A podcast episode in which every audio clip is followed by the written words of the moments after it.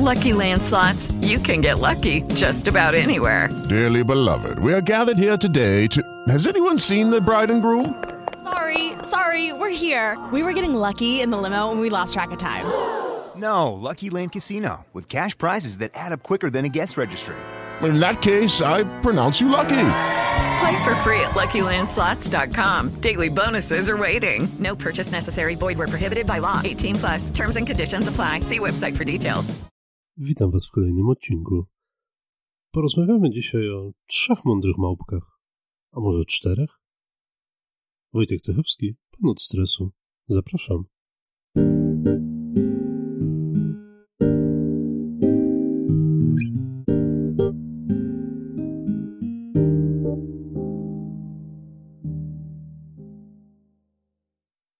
Myślę, że wszyscy mniej lub bardziej kojarzycie trzy mądre małpki.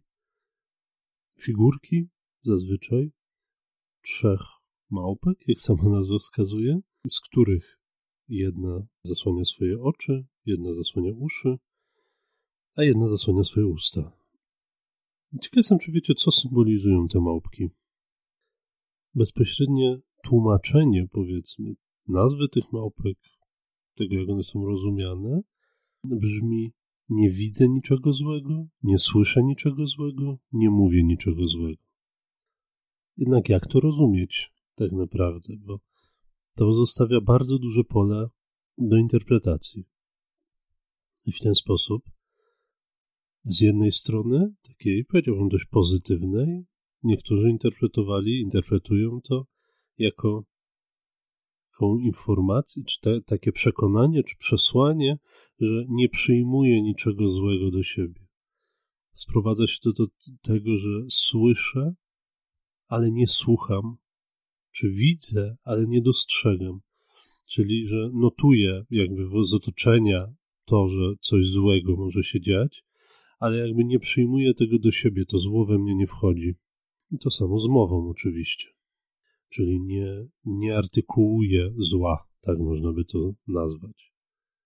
W zasadzie powinienem w ogóle zacząć od tego, że te trzy małpki wzięły się oczywiście z dalekiego wschodu, z Chin, z Japonii, z tamtych rejonów, bo do końca w pełni ich pochodzenie nie jest w pełni znane cały czas. Najwięcej źródeł mówi jednak o Japonii, o tamtejszej religii ludowej, która weszła jakby w kanon buddyzmu i te trzy małpki są dość mocno z buddyzmem kojarzone. W buddyzmie y, sama interpretacja tych małpek jest bardziej skupiona na tym, że żeby nie wytykać innym zła, nie szukać winnych tego zła, a zacząć raczej od siebie. Czyli to nasze powiedzenie, że źdźbło trawy wokół czyimś widzisz, a belki w swoim nie dostrzegasz.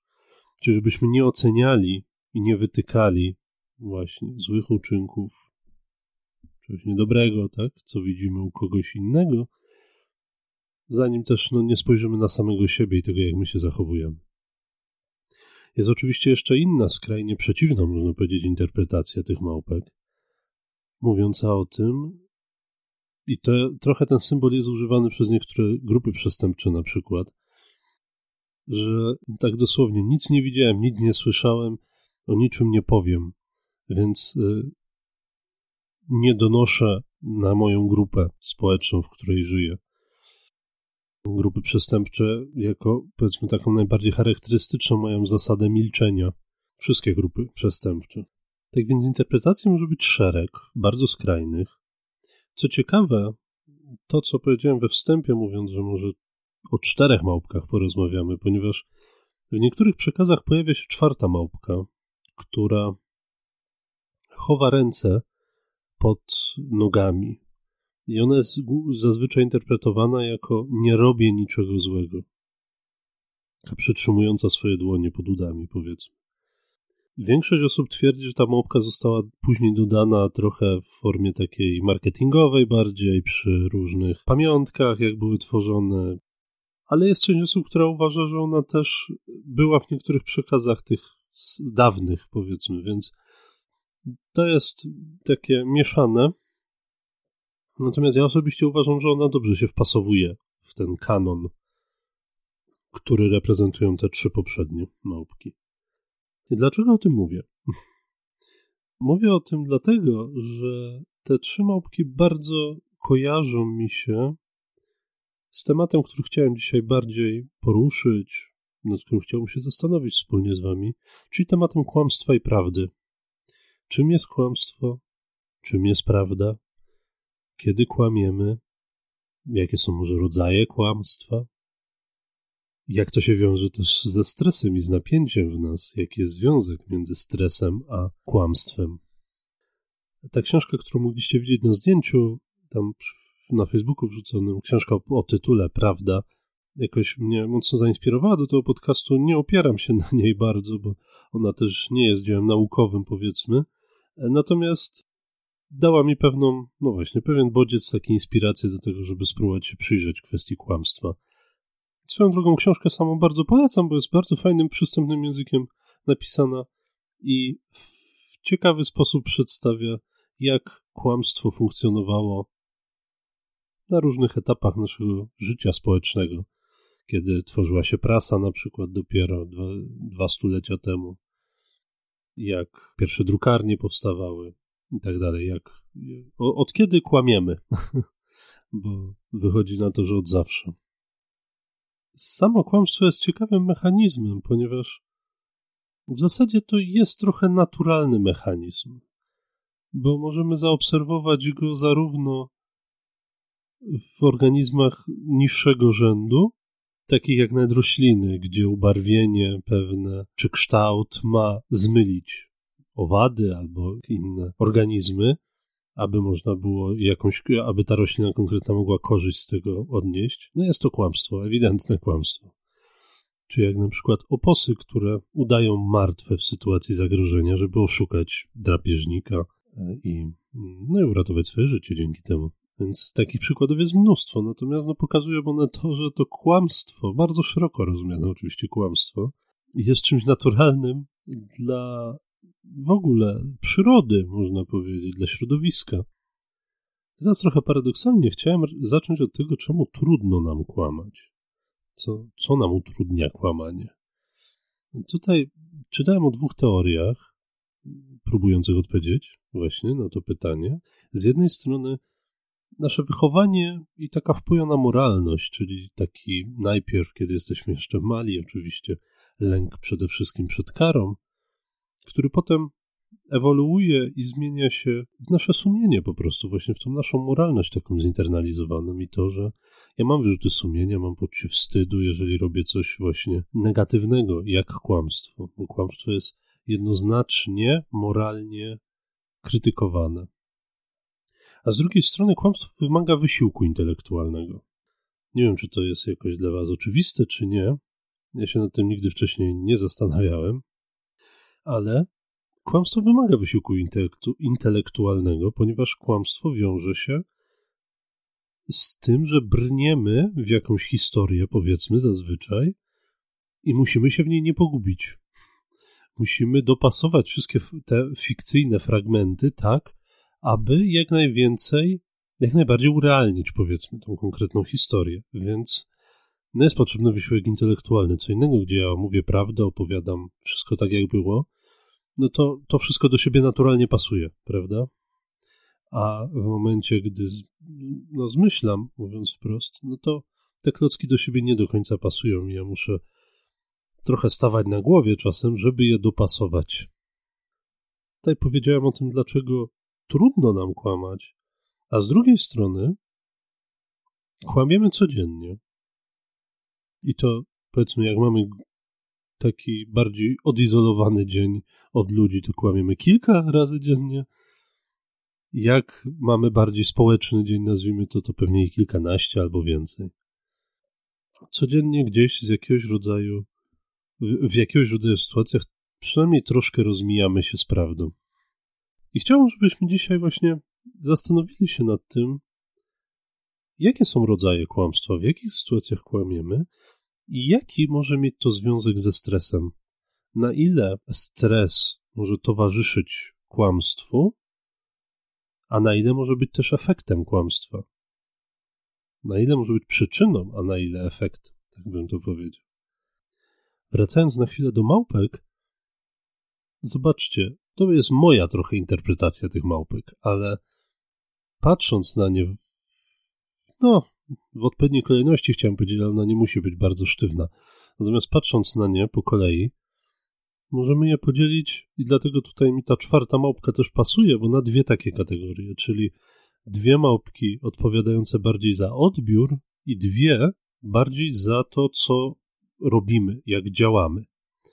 Więc y, wracając do kłamstwa samego w, kontekście tych małpek, to pomyślałem o tym, że nie widzimy i nie słyszymy czasem czegoś, bo jest to niewygodne dla nas albo za trudne i staramy się to puścić mimo uszu, zapomnieć, jakoś wyprzeć, albo czasem, zależnie od sytuacji, jawnie kłamać, że czegoś nie dostrzegaliśmy, czy nie, coś do nas nie dotarło. Nie byliśmy świadkami czegoś. A z drugiej strony te dwie kolejne małpki mówiące o działaniu, czyli o tym, że nie mówię i nie robię, mogące być pewnym przeciwieństwem, że nie czynię kłamstwa. Właśnie. Nie, nie kłamę, w sensie nie mówię kłamstw i nie robię niczego, co jest właśnie jakoś zmyślone, naciągane, kłamliwe po prostu. Ale przejdźmy już do tych rodzajów kłamstwa, bo to mi się wydaje bardzo ciekawe. Pewnie mało kto się nad tym zastanawia, powiedzmy tam tak sam z siebie, natomiast kłamstwo możemy podzielić na naprawdę bardzo różne rodzaje, różne przyczyny, powiedzmy, czy okoliczności kłamstwa, albo powody kłamstwa, może tak to nazwijmy. I tutaj takie, powiedzmy, najmniej szkodliwe, drobne raczej kłamstewka możemy nazwać kłamstwami mimowolnymi, takimi, które trochę tak z automatu mówimy w różnych sytuacjach, które służą takiej chęci zwrócenia trochę na siebie uwagi, jakieś wyolbrzymianie, takie przesadzanie, to, że na przykład bardziej cierpię niż w rzeczywistości cierpię, ale chciałbym, żeby ktoś się tym bardziej jakoś e, tam e, zainteresował mną. Czy też takie kłamstwa grzecznościowe, też mimowolne. Tak jak w języku angielskim, czy Amerykanie mają to pytanie how are you? Jak się czujesz? Co u ciebie? i nie oczekują odpowiedzi pod tytułem, że zaczniesz im opowiadać, jak to na przykład źle u ciebie teraz jest, tylko możesz powiedzieć, że jest wszystko ok. I tak samo odpowiedzieć też pytaniem. Dostaniesz tą samą informację i wszyscy są szczęśliwi. Nie chodzi o zagłębianie się. I często tak jest, jak ktoś pyta, co u nas słychać w ogóle, co, jak się czujemy, to zbywamy trochę to, że właśnie wszystko dobrze, w porządku, zapracowani jesteśmy, Czasem powiem, że a, jakoś ostatnio się gorzej czuję trochę albo coś tam, ale raczej nie wchodzimy w głębsze rozważania na temat naszego samopoczucia, chociaż czasem może ono być skrajnie przeciwne. No więc, więc jest to kłamstwo w rozumieniu takim mijania się z prawdą. Natomiast służy ono temu, żeby tak naprawdę, nie wiem, nazwijmy to, podtrzymać taką zwykłą relację, normalną rozmowę, to, że pochwalimy, nie wiem, wystrój nowy na przykład u naszych znajomych, albo potrawy, które dostaliśmy, chociaż nie zawsze musi nam to się, nie wiem, bardzo podobać albo smakować. Jest to też taka ochrona czyjejś twarzy albo swojej, żeby, żeby nie skrzywdzić nikogo, bo to, bo to nie ma znaczenia jakby. To jest, to jest miły gest, nic mnie nie kosztuje, nic nie tracę i ani ja nie myślę źle o tej osobie, ani o sobie, ani ona nie myśli źle, tak? ani o sobie, ani o mnie. Więc kłamstwa takie grzecznościowe, mimowolne, myślę, że one mogą, czasami, no, jak sama wskazuje, mimowolne, czyli trochę takie nawet bez udziału czasem świadomości, tylko z automatu czasem odpowiadamy takimi frazesami pewnymi, które są przyjęte jakoś społecznie. Ale też myślę, że to są sytuacje, gdzie stres może narastać i to, to drobne kłamstewko pomaga go rozładować, bo patrząc szczególnie na takie typowo grzecznościowe kłamstewka, gdzie jeżeli ktoś, no właśnie, pyta, jak bardzo mi się podoba coś tam, co zrobił, albo co, co kupił, nie wiem, co wymyślił, a mi się to nie bardzo podoba, a mi się to nie bardzo podoba, no to wchodzę w taki dyskomfort duży. No bo z jednej strony nie jestem w stanie tego czegoś na przykład ocenić, także no, no to jest po prostu, nie wiem, złe, brzydkie, głupie, cokolwiek.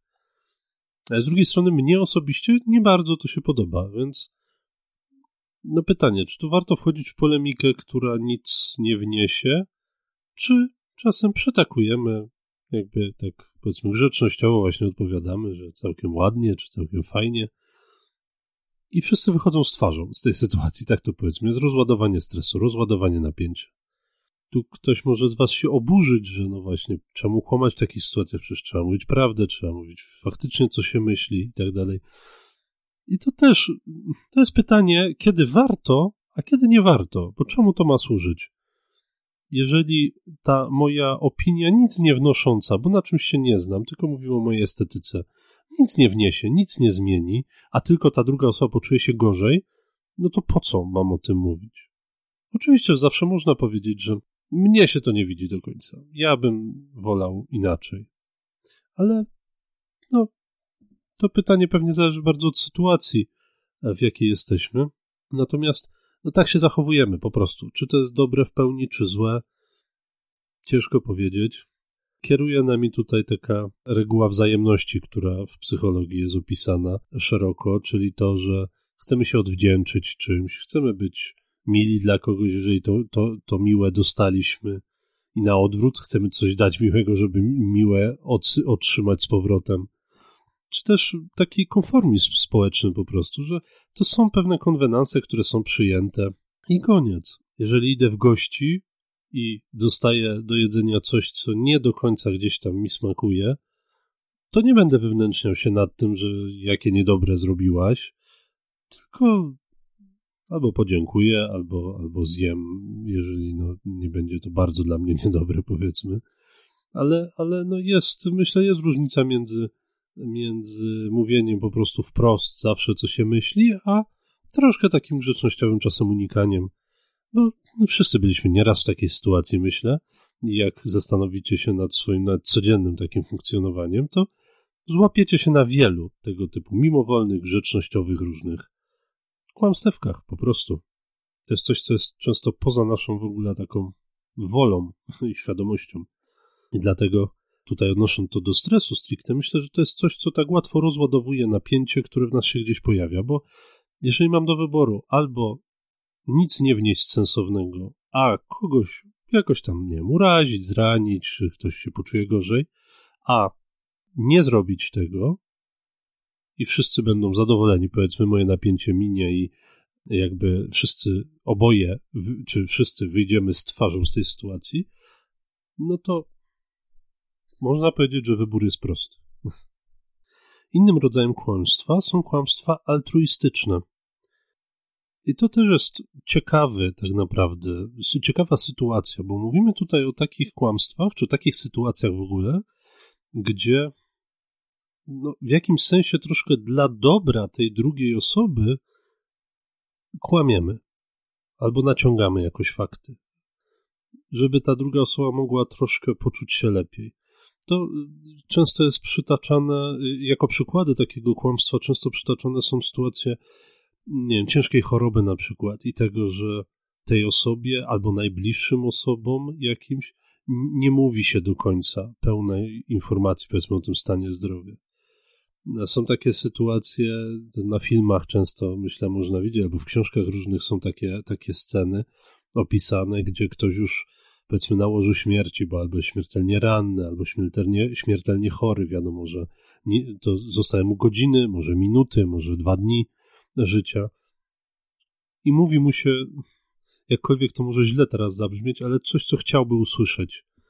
Coś, co może go podnieść trochę na duchu, chociaż może być ewidentnym kłamstwem. Myślę nawet paradoksalnie, że ta osoba może zdawać sobie gdzieś w głębi sprawę, że to nieprawda, ale może się poczuć chwilę z tym lepiej. I ja nie będę oceniał moralnie, czy to są sytuacje, w których kłamstwa są dopuszczalne, czy nie ma takich sytuacji, w których kłamstwo jest dopuszczalne. Od tego są różni filozofowie, nie ja. Ja tylko chciałem się skupić na tym, w jakich sytuacjach w ogóle to kłamstwo nam się przydarza. Patrząc pod kątem stresu, Myślę, że to jest sytuacja mocno frustrująca dla osoby, która tą informację musi przekazać. Bo to jest ten dylemat właśnie moralny, przed którym stoję. Czy powiem prawdę i mówiąc bardzo już wprost, dobiję tą osobę, czy skłamę, żeby ta osoba po, poczuła, mogła poczuć się chociaż trochę lepiej, a na dobrą sprawę może ni jednak nic to nie zmieni, jakby w całej sytuacji, to moje kłamstwo. I rozumiem, że użycie tego kłamstwa też jest takim rozładowaniem, rozładowaniem tego stresu, tej frustracji, która w nas jest. I myślę, że tu bardzo dużo zależy od naszej takiej właśnie moralności, czy my widzimy w tym wartość, że kłamstwo może być dobre w takiej sytuacji i wtedy faktycznie z nas zejdzie to napięcie, jeżeli ja wiem, że no mimo tego, że, że nie powiedziałem prawdy, to ta osoba mogła przez chwilę poczuć się lepiej, albo w ogóle może będzie żyła troszkę, troszkę lepiej, jeżeli to jest bliski na przykład naszej zmarłej, zmarłej osoby, któremu też musimy jakąś informację przekazać o nim. A z drugiej strony, jeżeli moja moralność mówi jasno, że żadne kłamstwo nie jest dopuszczalne, no to raz, że i tak nie jestem w stanie z tym w 100% żyć, bo te kłamstwa mimowolne i tak mi się zdarzają, myślę czasem. Ale tutaj przede wszystkim z jednej strony będę wiedział, że jest lepiej, powiedzmy, tej osobie, z którą rozmawiam, a z drugiej strony ja będę miał wyrzuty sumienia i dla mnie to będzie frustracja bardzo silna. I takie osoby może wtedy nie będą korzystały z tego kłamstwa altruistycznego, tylko właśnie powiedzą prawdę. Zranią kogoś, ale sami jakby pozbędą się tego stresu i napięcia, bo nie będą obarczeni kłamstwem. Tak jak mówię, moralnie nie mam zamiaru tego oceniać. Ja, ja osobiście uważam, że, że w niektórych sytuacjach to taki rodzaj kłamstwa jest dopuszczalny po prostu ale to, to ka każdego moralność osobista musi jakby to ocenić.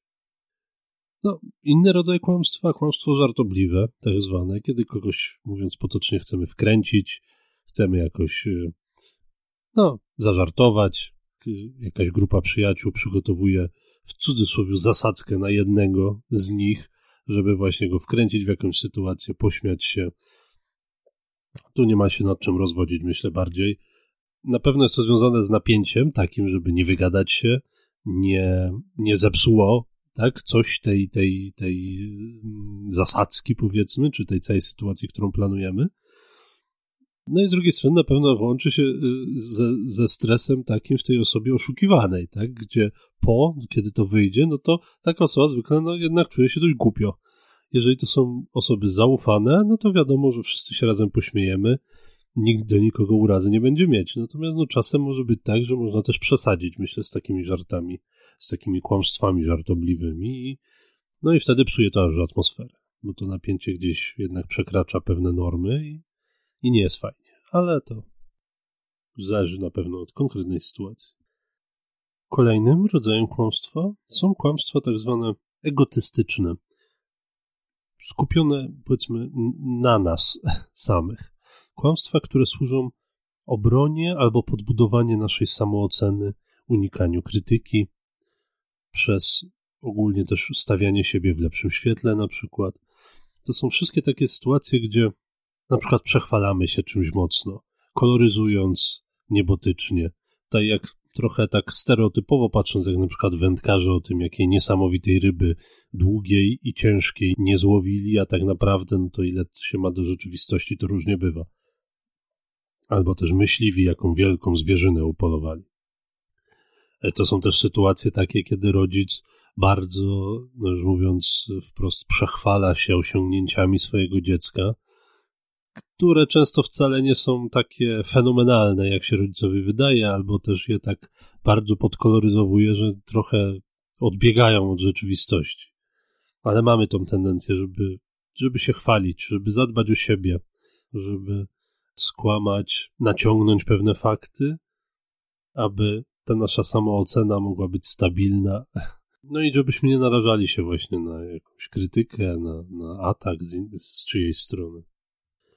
I myślę, że taki rodzaj kłamstwa jest bardzo mocno ze stresem związany, ponieważ dzięki, tak bym powiedział, że dzięki temu kłamstwu, tym naciąganym faktom, jakoś minimalizujemy napięcie, które w nas jest, związane może z niepewną samooceną, z lękiem przed jakąś krytyką, właśnie.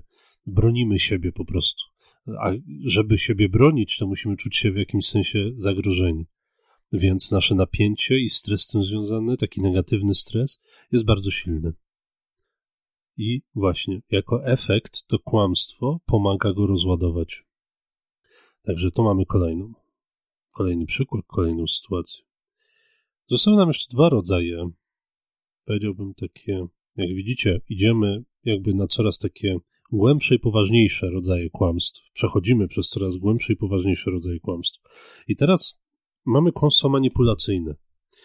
I to są już takie kłamstwa w żywe oczy, bym powiedział, które służą przede wszystkim odniesieniu pewnych korzyści przez nas samych.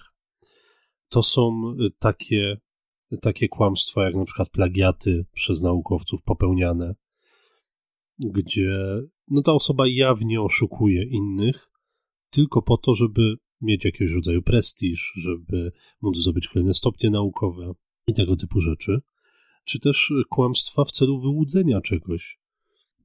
Z tym niestety się często spotykamy, jak na przykład te oszustwa na wnuczka, oszustwa na policjanta, razie wyłudzacze, naciągacze, osoby, które kosztem innych chcą się po prostu obłowić, więc kłamią w żywe oczy. Także no, to, to już jest taki, powiedziałbym, moralnie ewidentnie negatywny rodzaj kłamstwa. I tutaj myślę, tak się zastanawiam, w kontekście stresu, nie wiem, jak takie osoby wyłudzające albo właśnie ewidentnie preparujące pewne dokumenty, na przykład, mogą się czuć, mogą przeżywać, ale tak sobie myślę, że efektem takiego kłamstwa, oprócz naturalnie korzyści, dla których to zrobiliśmy, chyba jest też silne napięcie i taki stres, właśnie frustracja, no bo to jest coś, co w każdej chwili może wyjść i to jest coś, co, za co w każdej chwili mogę być karanym w jakikolwiek sposób. No ale myśląc o wyłudzaniach, no to te osoby po prostu przed y, sądem stają, tak? I mogą pójść do więzienia równie dobrze, więc, więc cena tego jest duża i nie wierzę, że to nie wiąże się z napięciem. Natomiast może być tak, że satysfakcja, jaką czujemy, czyli takie pozytywne emocje, pozytywny dreszczyk związany z tym, że udało nam się kogoś wyrolować, coś osiągnąć, jest być lepszym od kogoś przez to w jakimś tam skrajnym rozumieniu, że to jakby wygrywa z tym stresem i napięciem. To jest też taka dodatkowa gratyfikacja, która w nas jest bardzo silna. No i moi drodzy, chyba najgorszy rodzaj kłamstwa, jeżeli w ogóle możemy aż tak y, wartościować te różne rodzaje, o których mówimy, to jest kłamstwo destrukcyjne. I to jest kłamstwo, które popełniamy, aby komuś zaszkodzić, a i tak naprawdę nic z tego nie mieć. Nie mamy z tego żadnej korzyści dodatkowej. Chociaż tutaj pewnie można by się zastanowić, czy na pewno żadnej. Ponieważ o ile pewnie nie ma takiej jasnej, jawnej, materialnej korzyści, jak przy tych kłamstwach manipulacyjnych, tak na pewno jest jakiś rodzaj gratyfikacji takiej emocjonalnej. Czujemy się lepsi od kogoś, czujemy się, e, czujemy, że kogoś wykołowaliśmy, wyrolowaliśmy. Więc jest jakiś rodzaj takiej niezdrowej satysfakcji z tego płynący. To są sytuacje, nie wiem, na przykład świadomego wprowadzenia w błąd, żeby ktoś nie dotarł do miejsca docelowego. To są sytuacje zemsty. Wszelkie, wszelkie kłamstwa, które mają na celu zaszkodzenie komuś, a nie mają na celu przede wszystkim korzyści. No, ciężko to w kontekście stresu, myślę, rozpatrywać, bo Tutaj mamy satysfakcję, tutaj mamy pewnie mm, duże takie, nie wiem, przygnębienie, dużą taką, z drugiej strony tej osoby oszukanej, takie przygnębienie jakieś. Mm. Pewnie frustracja oczywiście z całą sytuacją związaną. I ona wtedy może wejść niestety w ten tryb zemsty, czyli jakby odwetu w ten sam sposób, co nigdy dobrze się nie kończy, ale myślę, że wszyscy o tym dobrze wiecie. No i tak, takie mamy rodzaje kłamstw, Myślę, że nad każdym z nich można by się pochylać zarówno pod kątem moralnym, jak i psychologicznym, jak i właśnie psychologii, stresu też swoją drogą i tak dalej. Natomiast prawda jest taka, że z jednej strony wszyscy kłamiemy, to jest nieuniknione, bo przez różne te takie schematy społeczne, kulturowe, pewne kłamstwa są ich stałym elementem i te konwenanse tak zwane społeczne, one wiążą się często z drobnymi kłamstewkami i wszyscy wiedzą, że tak jest, więc myślę, że nic z nimi nie zrobimy, tym bardziej, że one nikomu nie szkodzą, a z drugiej strony to się dzieje trochę poza nami, to się dzieje automatycznie. Nie, tego nie da się nawet w pełni skontrolować, myślę, w 100%. Z drugiej strony mamy kwestię tej obrony twarzy, to co wcześniej powiedziałem, i swojej i naszego rozmówcy. To jest bardzo widoczne na przykład w krajach azjatyckich, gdzie w Chinach bodajże jest to silnie takie odczuwalne. W momencie, gdy zapytamy o drogę na przykład kogoś, to ta osoba powie nam cokolwiek, żeby udzielić nam informacji, bo wtedy w jej mniemaniu wyjdzie z twarzą. Jakby łatwiej zaakceptować to, że kogoś prowadzimy w błąd, niż to, że y, przyznać się do, nie wiem, do niewiedzy. Albo to, że w sytuacjach, nie wiem, w Japonii na przykład, jeżeli poprosimy o pomoc, to ktoś będzie nam tłumaczył i y, jakby prowadził nas, pomimo swoich jakichś, nie wiem, obowiązków, planów i tak dalej, aż nie osiągniemy celu, bo to też wtedy dopiero ta osoba wyjdzie z twarzą, bo bardzo na poważnie podchodzą do takich sytuacji. Przyznanie się do niewiedzy albo do tego, że nie umiem wytłumaczyć, nie umiem pomóc w każdym razie, jest straszne i wiąże się z utratą twarzy albo z takim nadwyrężeniem przynajmniej tej twarzy społecznej. Więc wszystko jest dozwolone, włącznie z kłamstwem, żeby tylko wyjść z twarzą w tym konkretnym momencie. No i finalnie z trzeciej strony mamy sytuację takiego kłamstwa z premedytacją, żeby zaszkodzić, żeby zrobić krzywdę, żeby uzyskać coś bardzo takiego namacalnego kosztem kogoś, które no jawnie są czymś złym, chyba mogę tak to nazwać wprost. Więc zataczając wielkie koło do początku tego, tego podcastu, te, tego tematu, zobaczcie, że te cztery, bo będę się trzymał tych czterech rodzajów działania, które te małpki symbolizują, czyli słuchania, widzenia, mówienia i działania, robienia czegoś, bardzo bezpośrednio są związane właśnie z kłamstwem w różnych sytuacjach i z tym, na ile nasza moralność w różnych sytuacjach na ile, czy w jaki sposób nasza moralność w różnych sytuacjach działa. I to, czy ja popełniam kłamstwo w formie zła, czy ja z drugiej strony popełniam kłamstwo, ale bardziej w takim dobrym kontekście, tym grzecznościowym czy altruistycznym, albo żartobliwym, na ile też dostrzegam i reaguję na to, co się dzieje dookoła.